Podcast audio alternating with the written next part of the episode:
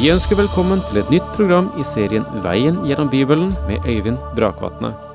Denne studieserien er produsert av P7 Kristen Riksradio og bygger på serien Through the Bible av Vernon McGee. I dag fortsetter vi med gjennomgangen av andre Mosebok.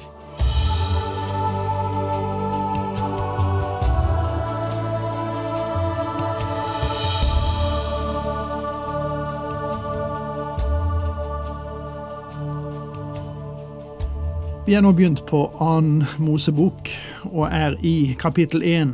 Og jeg avsluttet sist med å understreke at vi må passe oss så at vi ikke eh, kommer i et sympatiforhold til antisemittiske bevegelser.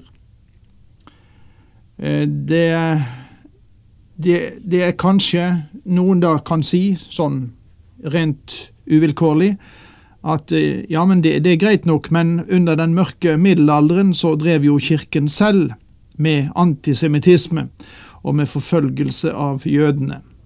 Ja, det er sant, det.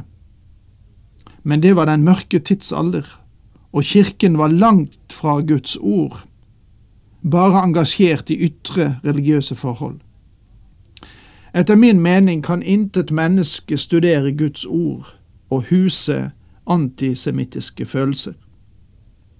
Og igjen er det kanskje da mennesker som vil eh, si ja, men vi kan ikke forsvare alt det som Israel gjør. Nei, det kan så menn godt hende, men eh, det er likevel Guds øyensten. Det er Guds folk, og det kan vi ikke komme unna.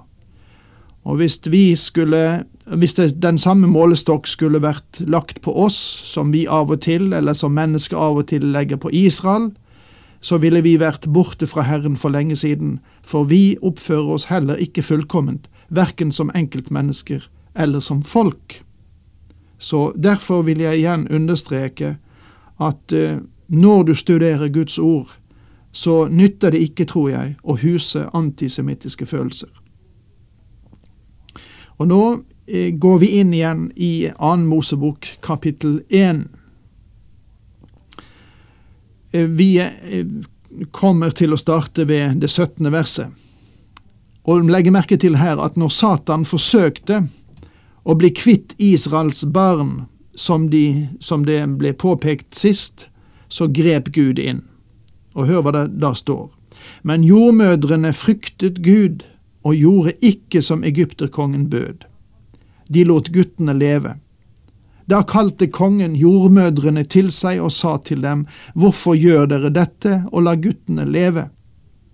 Jordmødrene svarte farao, De hebraiske kvinnene er ikke slik som de egyptiske, de er sterkere.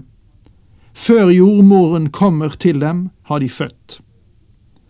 Da gjorde Gud vel imot jordmødrene. Folket økte og ble meget tallrikt. Dette forsøket på å utrydde alle hebraiske guttebarn var en politisk manøver som ikke fungerte.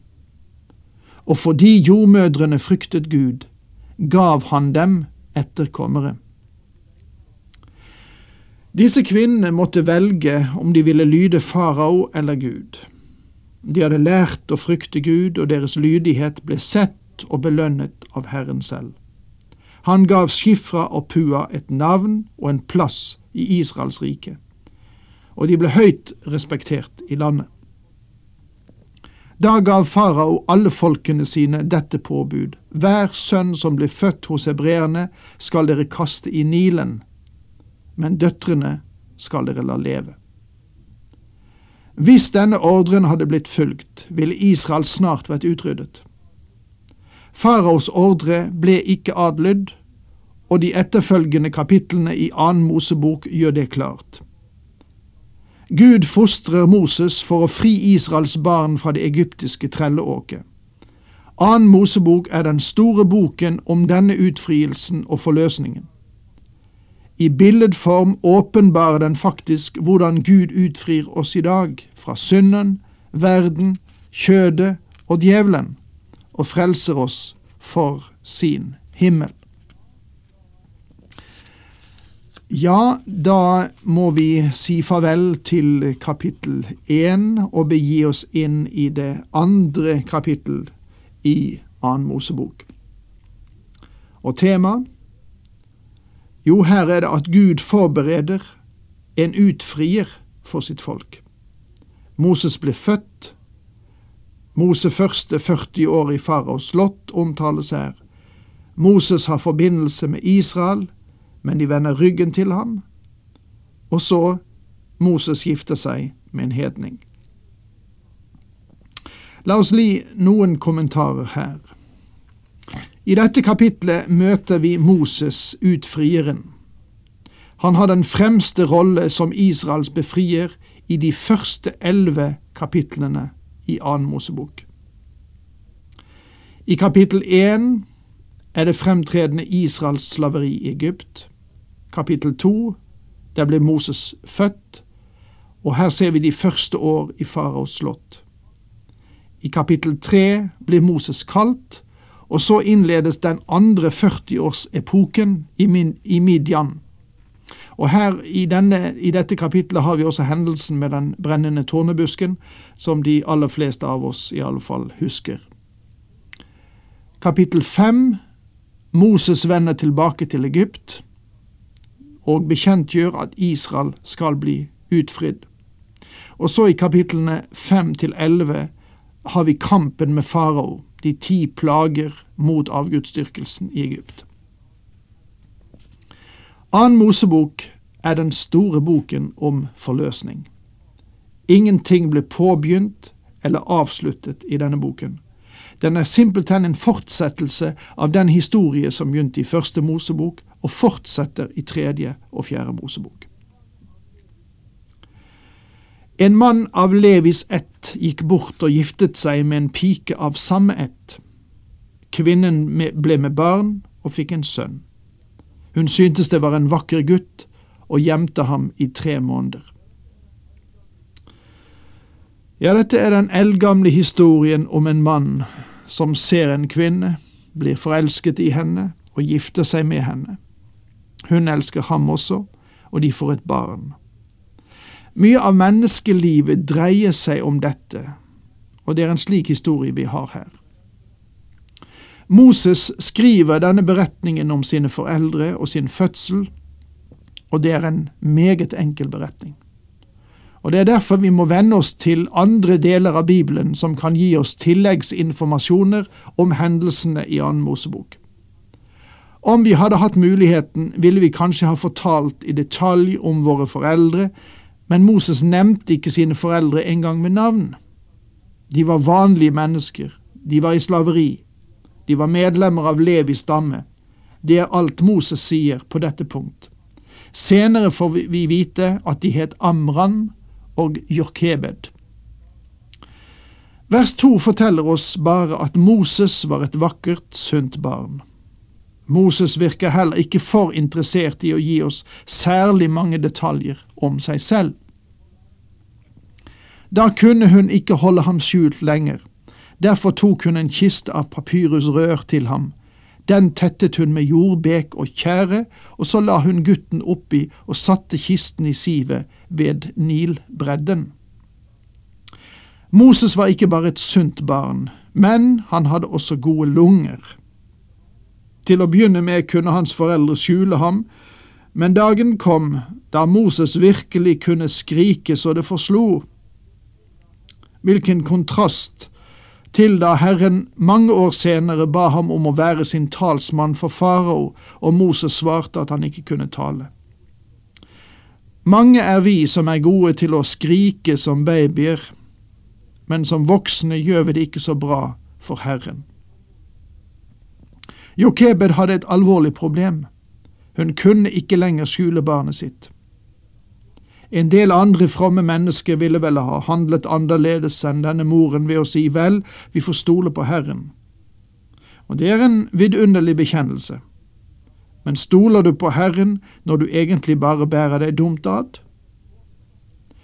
Jokebed ville ha vært en tåpe om hun hadde beholdt barnet i huset når en vakt som gikk forbi kunne ha hørt ham skrike.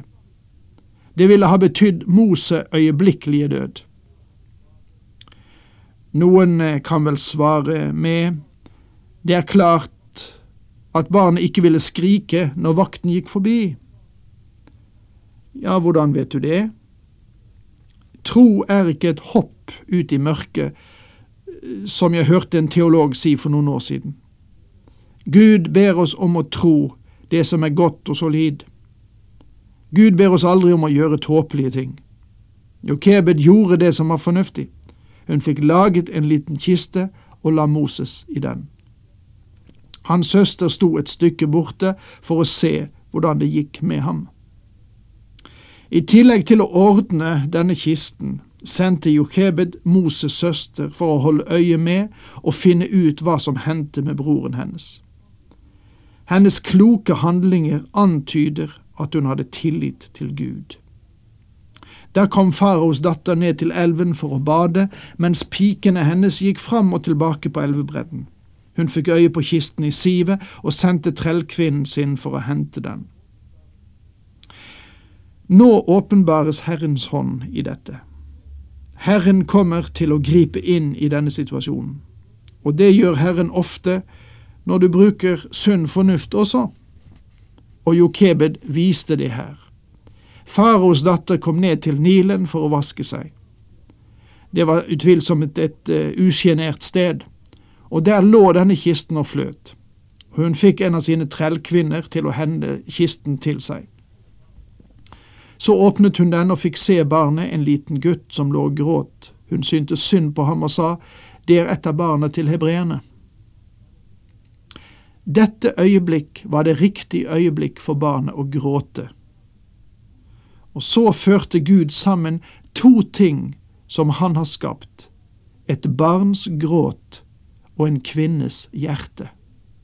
Faraos datter kunne simpelthen ikke overse denne lille babyen. Da kom guttens søster og sa til faraos datter, skal jeg gå og hente en hebreerkone som gir bryst, så hun kan fostre opp barnet for deg? Miriam, Moses' søster, kom med et meget nyttig forslag til prinsessen, og senere i livet kom hun ikke til å la sin yngre bror få en anledning til å glemme det en gang. Det er en meget menneskelig historie vi har foran oss, mine venner. Gud har noe å si oss på hver eneste side i bibelboken. Ja, gjør det, svarte faraos datter. Så gikk piken og hentet guttens mor. Dette er en meget avgjørende fase i disse hendelsene. Å vite hvordan Gud virkelig handler når vi opptrer forstandig og beveger oss med forstand i troens verden. Guttens virkelige mor fikk anledning til å amme ham og ble betalt for det. Bedre enn det kan det ikke gjøres, mine venner. Bedre enn det Gud gjør når Han fungerer i våre hjerter og liv, kan ingen gjøre det. Kongsdatteren sa til henne, ta denne gutten og fostre ham opp for meg, jeg skal lønne deg for det. Og konen tok gutten og fostret ham opp. Da han ble stor, gikk hun til kongsdatteren med ham, og han ble som en sønn for henne. Hun kalte ham Moses, for jeg har dratt ham opp av vannet, sa hun. Og der må vi sette strek for i dag. Herren med deg.